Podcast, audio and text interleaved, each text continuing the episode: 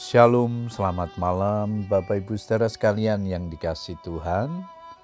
Bagaimana kabar kita di akhir minggu ini? Doa saya kita semua selalu sehat dalam perlindungan Tuhan. Malam hari ini kembali kita berkesempatan untuk datang kepada Tuhan. Setelah sepanjang hari ini kita menikmati segala kebaikan dan kasih setia Tuhan namun sebelum kita akan berdoa, saya akan membagikan firman Tuhan yang malam ini diberikan tema Tuhan tempat perlindungan kita.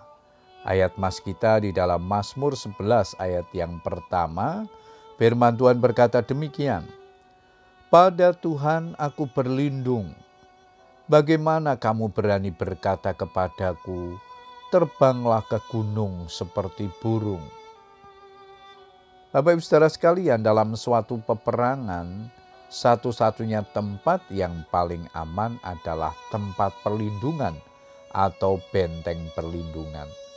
Namun kita harus tahu secara persis seberapa kuat tempat perlindungan atau benteng perlindungan tersebut.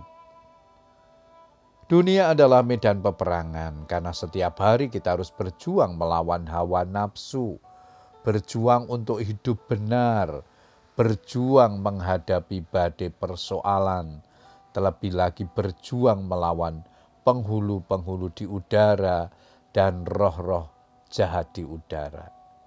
Yang kesemuanya itu membutuhkan perjuangan yang tidak mudah. Satu hal yang pasti adalah bahwa Tuhan berjanji kepada umatnya untuk memberikan jaminan kemenangan, karena Dia adalah tempat perlindungan yang teguh.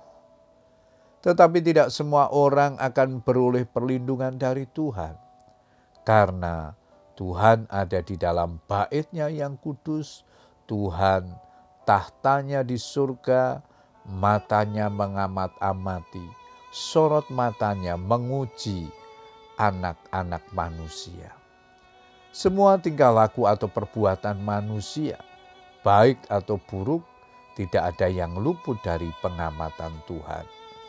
Seperti ada tertulis, dan tidak ada suatu makhluk pun yang tersembunyi di hadapannya, sebab segala sesuatu telanjang dan terbuka di depan mata Dia, yang kepadanya kita harus memberikan pertanggungan jawab. Ibrani 4 ayat 13. Tuhan memberikan jaminan perlindungan kepada setiap orang yang berhak untuk mendapatkan.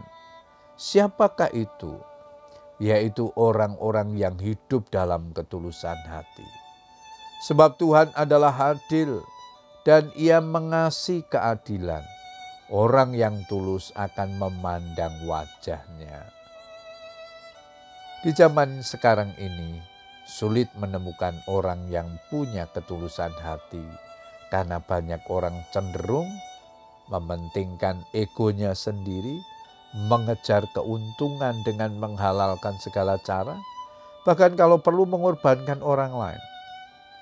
Di sisi lain, hari-hari yang dihadapi orang-orang yang tulus hati sepertinya begitu berat dan sering kali diwarnai air mata.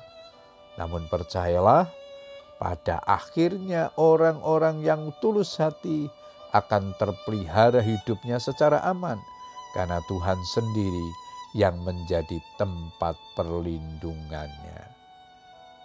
Mazmur 7 ayat yang ke-11.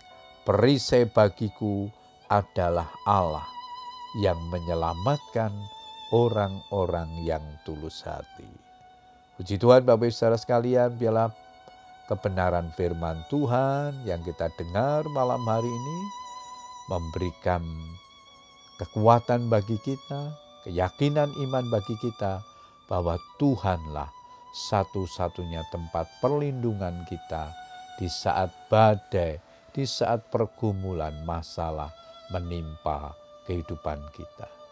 Percayalah Tuhan sanggup memulihkan kita. Selamat berdoa dengan keluarga kita. Tuhan Yesus memberkati. Amin.